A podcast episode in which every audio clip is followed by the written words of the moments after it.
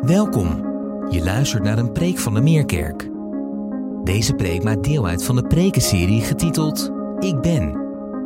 We staan stil bij de identiteit van Jezus en hopen Hem nog beter te leren kennen. Wie is Hij toch? En wat zegt dat over wie wij mogen zijn?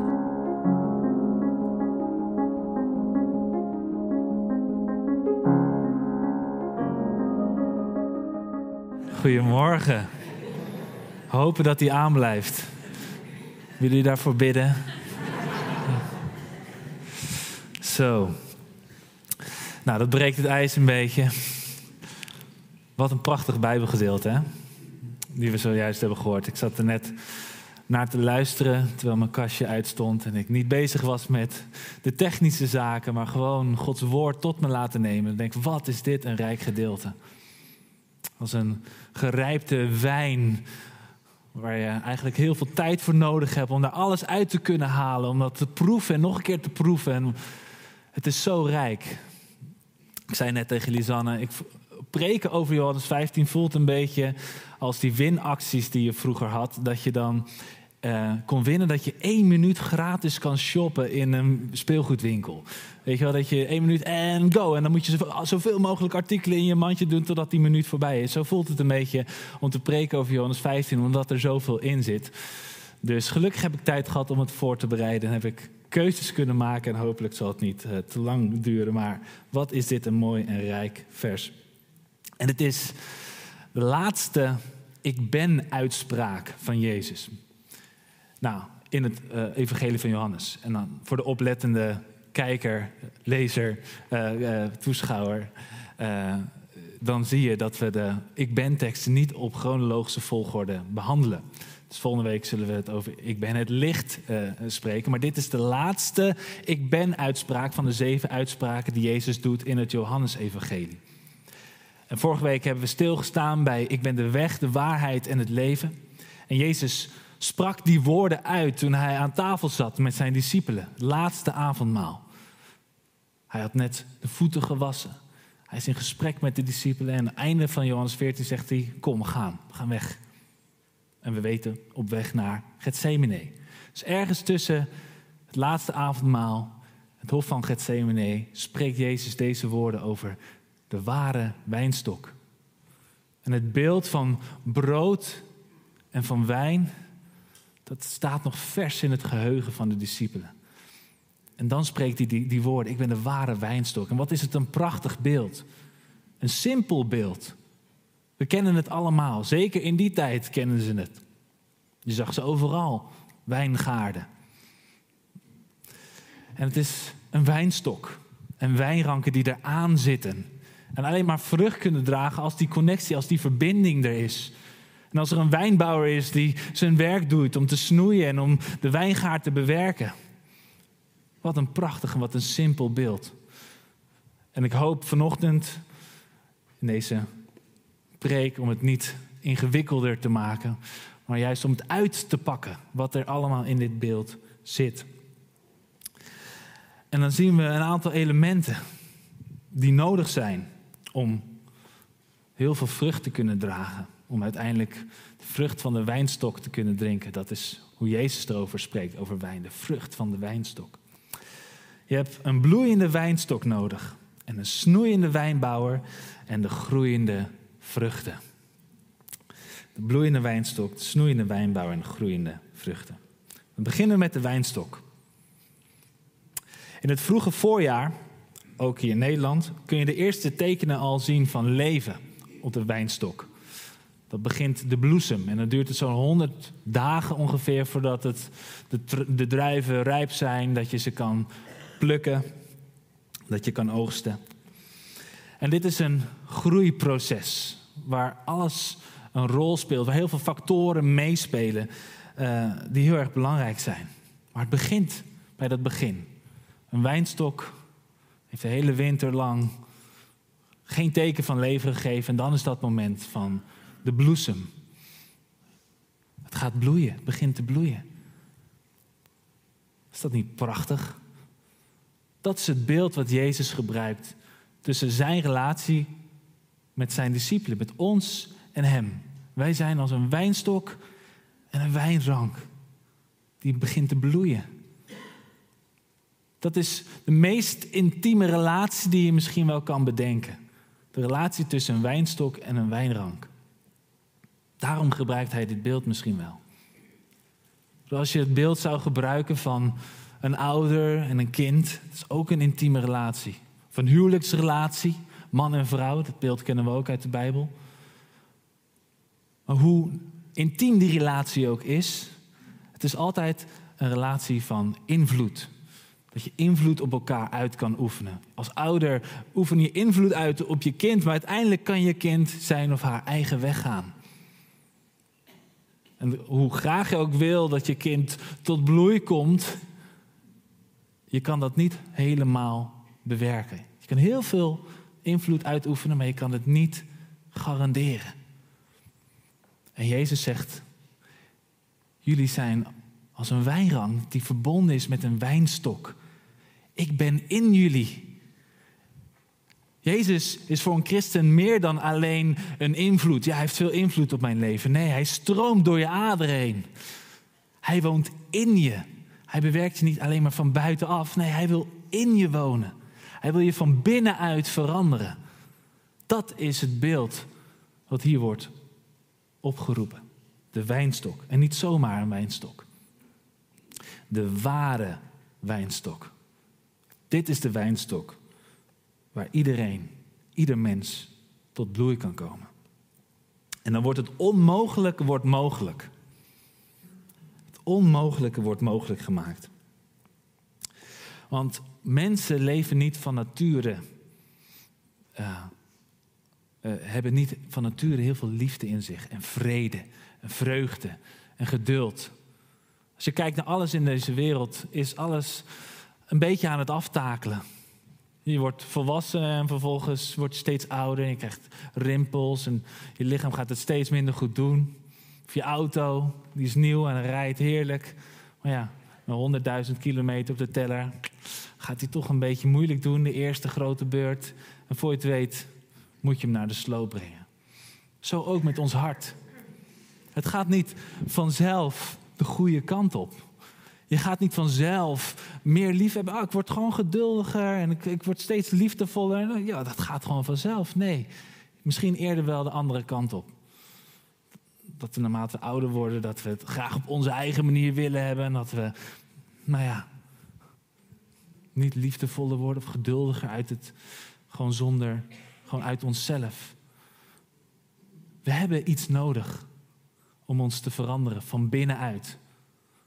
Dat is wat Jezus wil doen. Als hij zijn levenssappen door ons heen wil laten stromen om ons te veranderen. En dat is niet een beetje, een beetje hier en daar bijpoetsen, nee. Hij wil je geen beter mens maken, hij wil je een nieuw mens maken. C.S. Lewis, de schrijver van de Narnia-reeks, maar ook uh, het boek Onversneden Christendom, waarin hij uh, spreekt over wat het christelijk geloof inhoudt. Hij verwoordt het als volgt. Hij zegt, Christus zegt, dubbele punt, geef mij alles. Ik wil niet zus en zoveel tijd en geld en werk van je. Ik wil jou. Ik kom de natuurlijke mens in jou niet kwellen, maar doden. Halve maatregelen zijn nergens goed voor. Ik wil niet hier een tak en daar een tak afzagen. Nee, de hele boom moet om. Ik wil de kies niet boren of vullen of er een kroon op zetten, maar ik wil hem eruit trekken. Geef mij het hele natuurlijke ik, alle verlangens. Of jij die zelf nu onschuldig of verdorven vindt, de hele handel. Ik geef jou er een nieuwe ik voor in de plaats. Ik geef je niets minder dan mijzelf. Mijn wil zal de jouwe worden. Dat soort verandering, daar hebben we het over. Radicale verandering. Een nieuw mens. Paulus zegt in Romeinen 8 dat we steeds meer worden zoals het evenbeeld van de zoon van Jezus. Dat we steeds meer op Jezus gaan lijken. En deze verandering is echt mogelijk. Je denkt het is onmogelijk. Kan dat? Kan ik echt, ik meer op Jezus lijken? Ja. Maar hoe dan? Wees verbonden met de ware wijnstok. En misschien kijk in de spiegel en denk je, nou, ik zie dat nog wel gebeuren bij mezelf. Maar bij die ander, hmm, ik weet het niet. Die Sanne noemde net hè, dat ze mij wel aardig uit vond zien. Maar dat ik ook aardig was in het echt. Maar misschien ken je wel mensen die er aardig uitzien, maar niet zo aardig zijn eigenlijk, als je ze beter leert kennen. Als christen denk je dan, oh ja, dat is, dat is er zo één. Hopeloos geval. En die, die is zo aardig. Nee. Je kent de ware wijnstok. En je weet waar hij toe in staat is.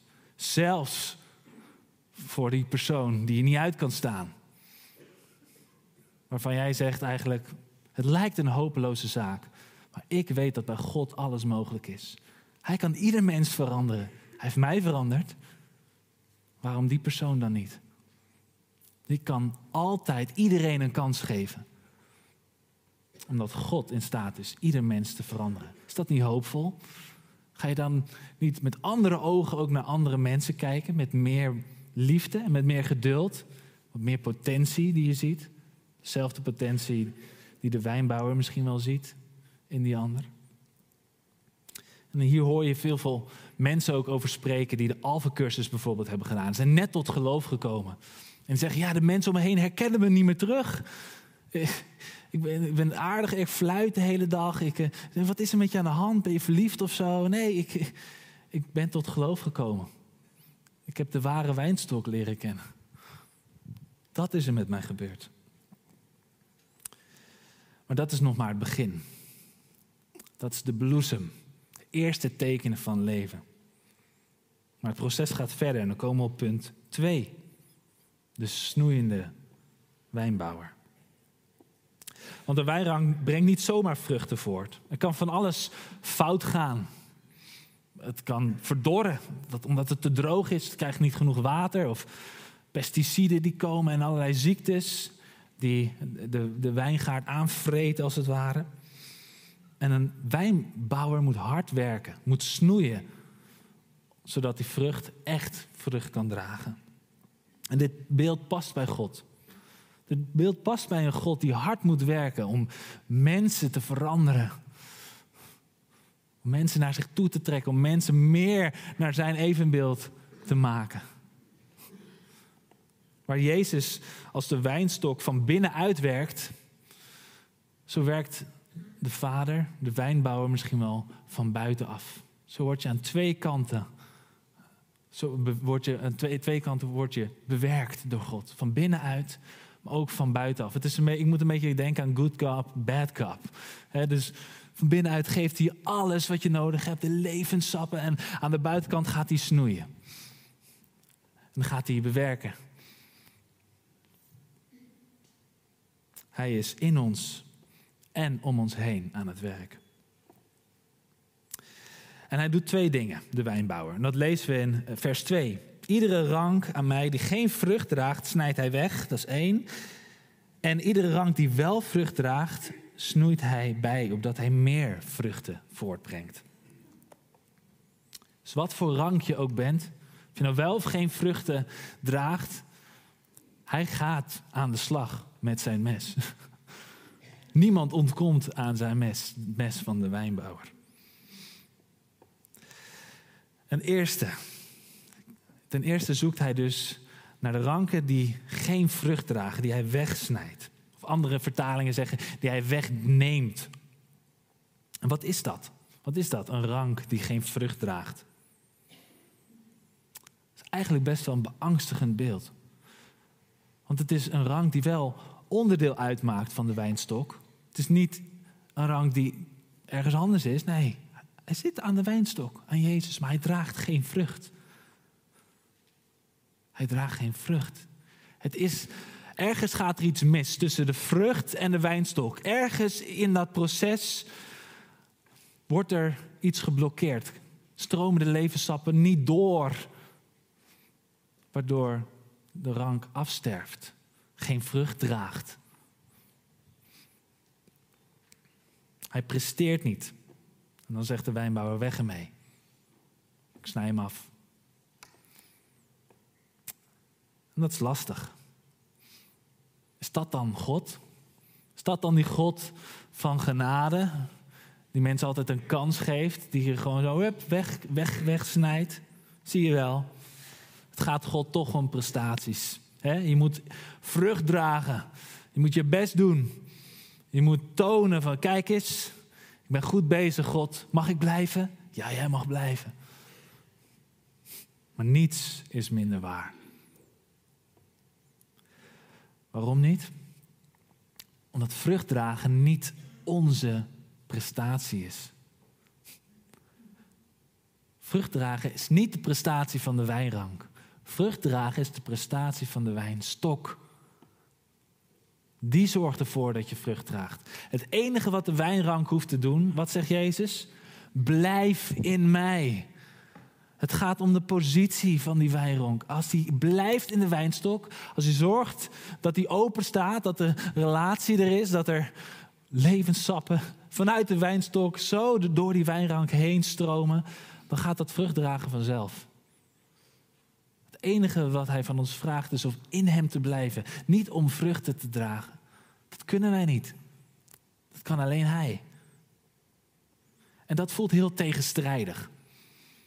Want wij willen graag ons best doen. Wij willen graag een bediening opnemen. kijk eens, ik ben goed bezig. Maar waar wij ons best voor moeten doen, is om afhankelijk te blijven. We moeten actief passief blijven. We moeten actief ons best doen om passief te zijn. Om te zeggen, ik ga het niet zelf doen. Ik ga niet mijn eigen vruchten proberen te kweken. Nee, u. U moet het doen. Ik wil afhankelijk van u blijven. En dat kost me al mijn moeite en al mijn kracht om het niet zelf op te gaan pakken. Dat is die tegenstrijdigheid van een wijnrank. Die in hem moet blijven.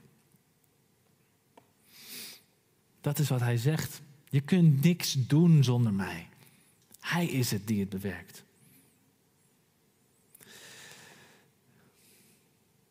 En wij proberen zo vaak een wit voetje bij God te halen. Kijk eens, u moet me wel zegenen, want ik ben goed bezig. Maar iedere keer als jij je eigen vruchten probeert te produceren, daarmee sluit je je af juist voor God. Je denkt dat je naar hem toe nadert, maar eigenlijk zeg je: ik, ik blijf niet in uw liefde, ik heb u niet nodig. Kijk, ik kan het zelf, ik kan mijn eigen vruchten produceren. En hij zegt: Je kan niks doen zonder mij. Doe het niet. Blijf afhankelijk van mij en doe daar je best voor. Henk Binnendijk die sprak over dit Bijbelgedeelte eh, zeven jaar geleden.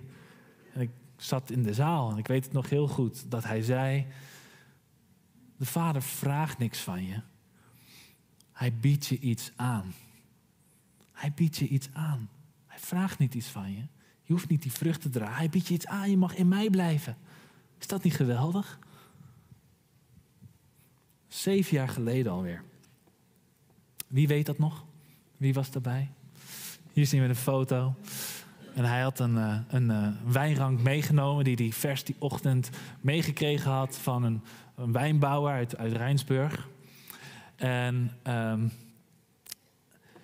um, mijn uh, collega-predikant, Wichtel Tamboer, die, die heeft veel goede eigenschappen. En één daarvan is dat hij betekenisvolle objecten bewaart.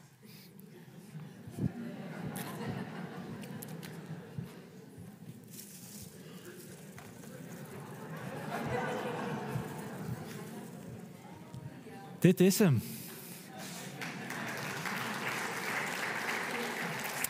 Ik weet niet waarom jullie applaudisseren, want er is er niet zoveel van, van over. Uh.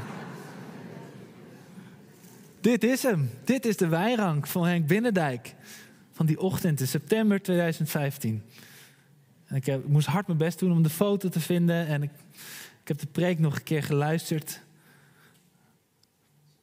En waar in die dienst een beeld was wat aantrekkelijk was. Ja, dat wil ik. Dit wil ik. Ik wil vrucht dragen.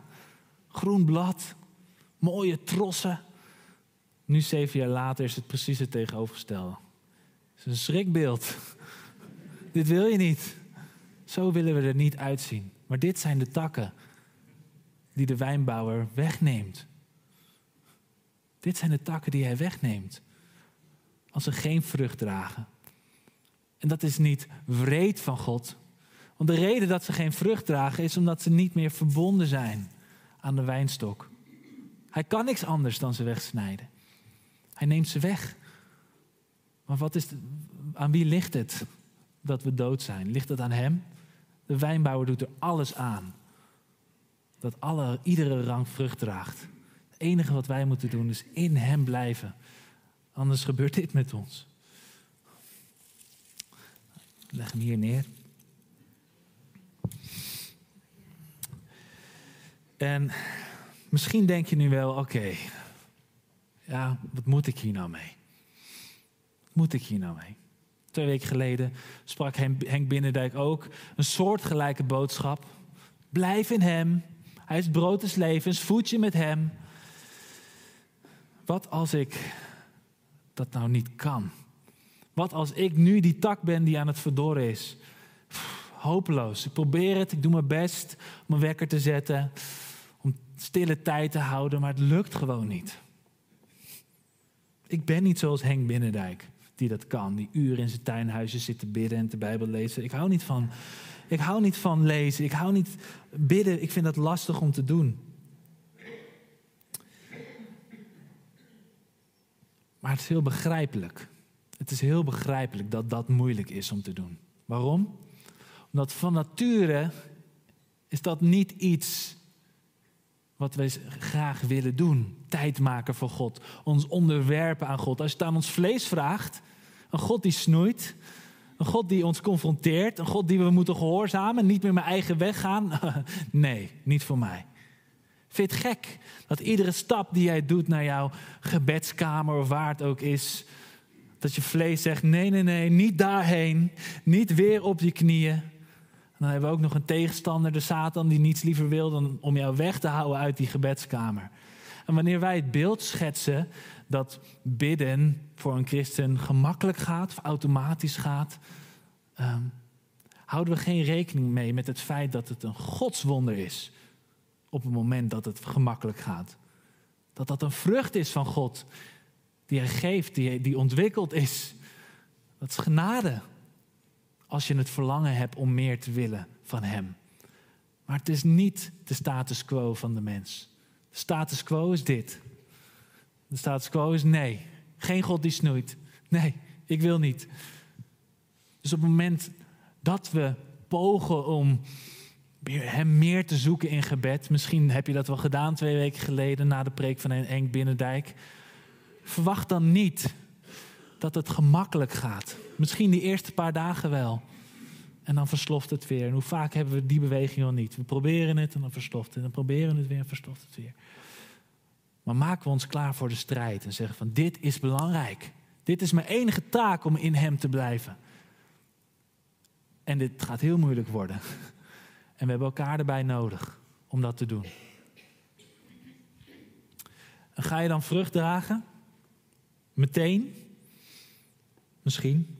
Misschien heb je meteen resultaat, misschien duurt het even. Net als de wijngaard. Helft van het jaar is het winter en draagt het geen vrucht. Is het niet zichtbaar dat er een verbinding is tussen een wijnrank en de wijnstok.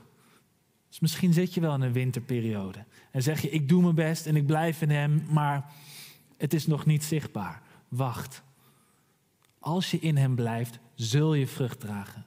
Vroeg of laat. Wanneer dat gebeurt, hoe dat gebeurt, is niet aan ons. Onthoud je, weet je nog? Wij, zijn niet degene die de vruchten produceert. Dat is Hij. Op zijn tijd, in zijn seizoen. Het enige wat wij moeten doen, is in Hem blijven. En als dat niet lukt, als dat niet lukt, dan zeg je, joh, die stille tijden. Trek aan de bel. Vraag om hulp. Dat is toch waarom we een gemeenschap zijn met elkaar. Om hierbij te helpen, om in Hem te blijven. Hoe moeilijk dat misschien soms ook is. Laten we elkaar daarbij helpen. Want dan, het tweede wat hij doet, is dat hij de ranken die vruchtbaar zijn, die snoeit hij bij. Dus hij is niet alleen genadeloos, lijkt wel, op eerste gezicht, voor die dode takken, die dode ranken. Nee, ook juist die tot bloei komen. Dat je zegt, goed bezig. En dan zou je denken, wat ga je dan doen? Ja, die ga je water geven, die ga je verzorgen. Je gaat met je plantjes praten, ik weet niet. Uh, iets aardigs, iets liefs doen. Maar nee, we lezen dat hij ze gaat snoeien. Hij valt ze aan met een mes. Dat is wat de wijnbouwer doet. En dan denk je, wat een vrede God. Maar niets is minder waar. Ik, ik heb in voorbereiding op de preek van die filmpjes, video's gekeken op YouTube van wijnbouwers. Die praten over hun, over hun wijnstokken, over hun wijngaard. Nou, wat een liefde daarvan uit doorklinkt. Die kunnen uren over hun vak praten en over dit plantje. En, oh, en waarom ze deze tak wel wegsnijden en die andere tak niet.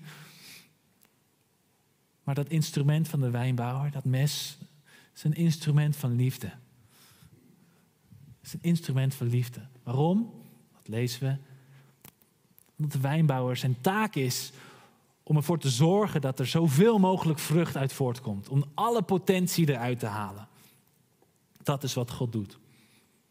In Hebreeën 12 lezen we daarover. Over de vermaningen van God. Dat Hij berispt wie Hij lief heeft. Hij straft elke zoon van wie Hij houdt. En in vers 11 staat er, en dat vind ik zo mooi en dat past zo bij deze ochtend. Een vermaning lijkt op het moment zelf geen vreugde te brengen. Slechts verdriet. Maar op den duur plukt wie er door gevormd is er de vruchten van. Namelijk een leven in vrede en gerechtigheid. Is dat niet prachtig? Uiteindelijk pluk je er de vruchten van. Het enige wat we moeten doen is in Hem blijven en vertrouwen. Vertrouwen dat Hij zijn werk gaat doen. Als de wijnstok en zijn, werk, zijn, zijn werk als de wijnbouwer die ons snoeit. En als je dat filmpje dan ziet van die wijnbouwer, dan zie je allemaal groene takken op de grond. En dan denk je, dat zijn toch allemaal mooie ranken die je hier afknipt. Soms begrijp je niet waarom de wijnbouwer die wel afknipt en die niet. Soms begrijp je ook niet waarom God ons bijsnoeit. Dus je denkt, ja, dit was toch een onschuldig onderdeel in mijn leven. Waarom krijg ik de overtuiging dat ik hiermee moet stoppen? Of dat dit nu niet goed is voor mij? Of ik laat me confronteren en ik lees Gods woord en ik, ik, ik krijg het idee in de overtuiging of in gesprek met andere broeders en zusters dat dit niet oké is. Laat je je dan bijsnoeien. Als je, laat je je confronteren door God. En dat doet hij door zijn woord. Dat lezen we in vers 3 en daar lees je zo overheen. Dan zegt hij, jullie zijn al rein, jullie discipelen, door alles wat ik tegen jullie gezegd heb. Dat woord rein is in het Grieks hetzelfde woord als snoeien. Dus hij zegt, ik snoei bij om meer vrucht te laten voortbrengen. Maar jullie, jullie zijn al rein. Jullie zijn al gesnoeid. Die drie jaar dat jullie met mij hebben opgetrokken was één groot snoeifestijn. Door de woorden die ik tot jullie heb gesproken. Gods woord tot je nemen. Dat is de manier waarop God snoeit. En dan komen we bij het laatste punt. De vruchten. De groeiende vruchten. Als we geënt zijn op de wijnstok en de snoeiende wijnbouwer die gaat aan de slag, dan kan het niet anders dan dat we op den duur vrucht zullen dragen. Je gaat zichtbaar veranderen. En hier in Johannes 15 lezen we een aantal van die vruchten en ik ga die heel kort doornemen. In vers 7. Vers 7 staat er: Als jullie in mij blijven en mijn woorden in jullie, kun je vragen wat je wilt en het zal gebeuren. Dat is een teken dat je vrucht draagt, dat je in de wijnstok bent. Dan kun je vragen wat je wilt en het zal gebeuren. En dan denk je, ah, oh, dat is mooi. Sinterklaas komt eraan. Ja, ik kan vragen wat ik wil en het zal gebeuren. God is geen Sinterklaas. De voorwaarde is dat je in Hem bent. Dat Hij je verandert van binnenuit. En dat betekent dus ook dat waar je, waar je naar verlangt, verandert. Dat je dus gaat vragen, waar, waar verlang je dan naar? naar? Naar alles wat Jezus te bieden heeft. Niet naar Ferraris, Nee, naar de vrucht die Hij wil geven. Zijn vrede, zijn liefde, zijn geduld. Meer op Hem lijken. Als je daarom vraagt, oh, pas op met wat je vraagt, dan zul je het krijgen. Dan gaat Hij met jou aan de slag. Tweede, als we doorlezen, vers 9. Uh, eh, blijf in mijn liefde. Dat is een andere vrucht, liefde. Je wordt liefdevoller. Maar niet alleen in eerste instantie liefdevoller naar andere mensen. In eerste instantie meer liefde naar God. Blijf in mijn liefde. Blijf in de liefde van God. Je gaat van Hem houden. Je wil meer van Hem. En hoe merk je dat? Hoe merk je dat je meer van Hem gaat houden? Je merkt dat je, als je die poging dat doet om meer stille tijd te houden, dat het op een gegeven moment de smaak te pakken krijgt. En dat je denkt, ja, wat is het eigenlijk geweldig om in Zijn aanwezigheid te zijn. Of je merkt het, dat het steeds makkelijker wordt om Hem te loven en te prijzen om wie Hij is. Net zoals als je ergens helemaal weg van bent, van iemand of van iets, dan is het makkelijk om erover te praten. Het is makkelijk om te zeggen, oh, dit is zo geweldig en dat is zo mooi aan jou. En hoe meer je van hem gaat houden, hoe makkelijker het wordt om hem te prijzen. Oh, wat bent u mooi. Ken je dat bij jezelf? Dat als je tijd neemt voor gebed, dat je op een merkt, oh Heer, ik merk dat ik niet uitgepraat raak over u. Ik hou zoveel van u. Ik vind u zo mooi. Ik ben zo dankbaar voor wat u voor mij heeft gedaan. Andere vrucht, die daar meteen uh, daarna genoemd wordt, um, is je blijft in mijn liefde als je je aan mijn geboden houdt. Oftewel gehoorzaamheid. Gehoorzaamheid. Dat je, omdat je van God houdt, niets liever wil dan Hem dienen. Dan Hem blij maken door te doen wat Hij wil. Ik uh, ben getrouwd met Marloes. En aan het begin van onze verkeringstijd, toen uh, werd zij jarig, zoals we allemaal een keer jarig worden. En um, zij had andere verwachtingen van haar verjaardag dan die ik had waargemaakt. Laat het zo zeggen. Zij dacht, en het waren normale verwachtingen. Ik, hou, ik ben gewoon niet zo van de verjaardag, maar gewoon je hangt slingers op, je maakt er wat van, je, je besteedt er aandacht aan. Nou, dat ging mis. En dat is één keer misgegaan. En de jaren daarop vroeg ik altijd een maand voor de verjaardag: help me. help me om jou te dienen, om jou blij te maken. Want ik wil niks liever dan dat jij blij bent en dat jij niet op je verjaardag weer. Uh, hij snapt het nog steeds niet. Nee, help me dan. Zeg gewoon wat ik moet doen. En dan denk je, ja, dat is stom, is de verrassing weg. Maar uiteindelijk op, op die dag zelf, ik doe zo dan mijn best. En ik word zo blij, omdat ik weet, als ik dit doe en als ik dat doe, dan wordt zij daar gewoon blij van. Dat is ook met gehoorzaam zijn aan God. Je wil niks liever. Vertel me, geef me uw geboden. De psalmist die dag en nacht uw geboden bestudeert. Ik wil niks liever dan u blij maken. Help me. Zeg me wat u wil en ik doe het. Ik hou zoveel van u. Dat is ook een vrucht. En de laatste die ik noem is vreugde. Want hij verbindt gehoorzaamheid aan vreugde. Ik zeg jullie deze dingen. Dit zeg ik tegen jullie om je mijn vreugde te geven. Dan zal je vreugde volkomen zijn. Hij doet het niet om ons te kwellen. De God van hemel en aarde is bekommerd om jouw vreugde, om jouw geluk. Wauw. Is Hij jouw vreugde? Is Hij de wijnstok waar jij op geënt bent? Is Hij jouw ware wijnstok? Dat is wat Hij van je vraagt. Dat is wat dit beeld is.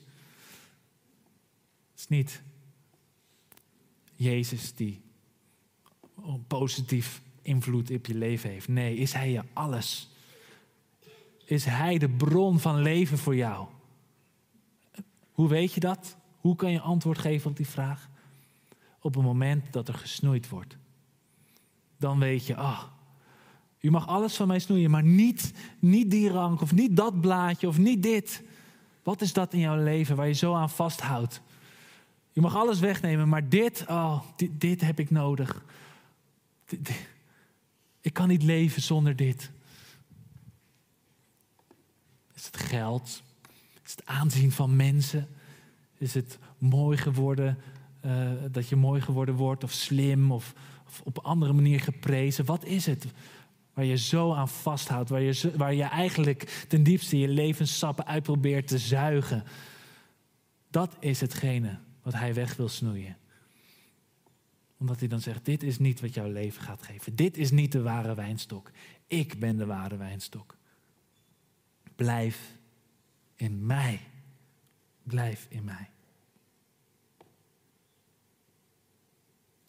Dat is de betekenis van die wijn van het avondmaal wat ze net gedronken hebben. Het bloed dat vergoten wordt van Jezus. Dat is het teken van de liefde die hij heeft voor zijn vrienden. Er is geen grotere liefde dan hij die zijn leven geeft voor zijn vrienden.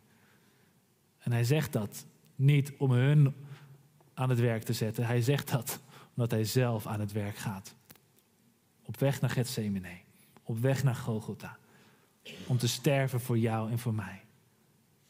Is hij jou alles? Is hij jou alles waard? Wanneer je ziet dat hij naar jou kijkt en ziet, jij was mij alles waard. Dat ik bereid was om mijn leven te geven voor jou. Dat is zijn liefde. Blijf in die liefde. Dan wordt hij jou alles. Dat is wat hij vanochtend aan ons vraagt. Mag ik ook jouw ware wijnstok zijn? Wil jij als rank op mij geënt zijn? Blijf in mijn liefde. Blijf in mijn liefde, dan blijf ik in jou. En dan zul je veel vrucht dragen. Mag ik met jullie bidden?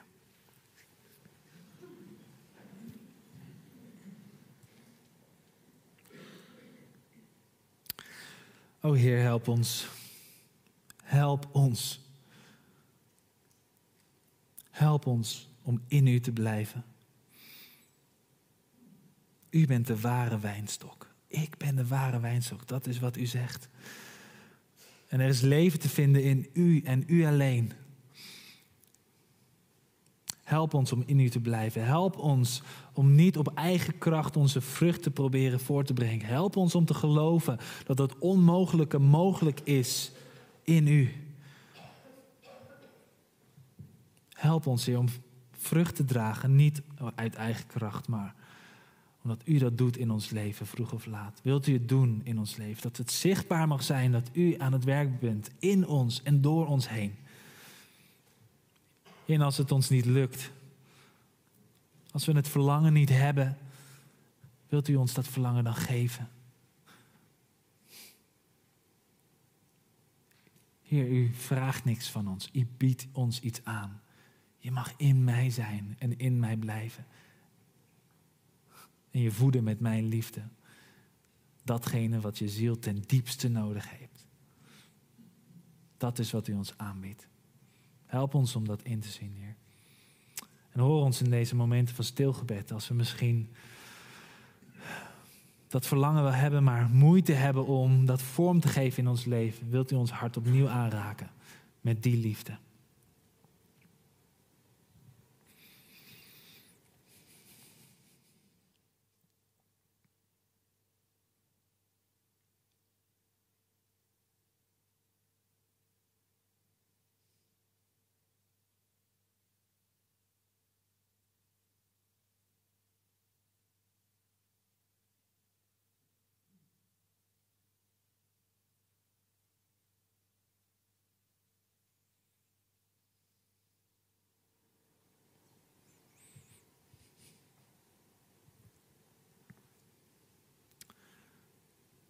Dank u wel, Heer Jezus. Dank u wel dat we in u mogen zijn en blijven. En blijvende vrucht mogen dragen. Omdat we u mogen kennen en met u mogen leven. U bent de ware wijnstok.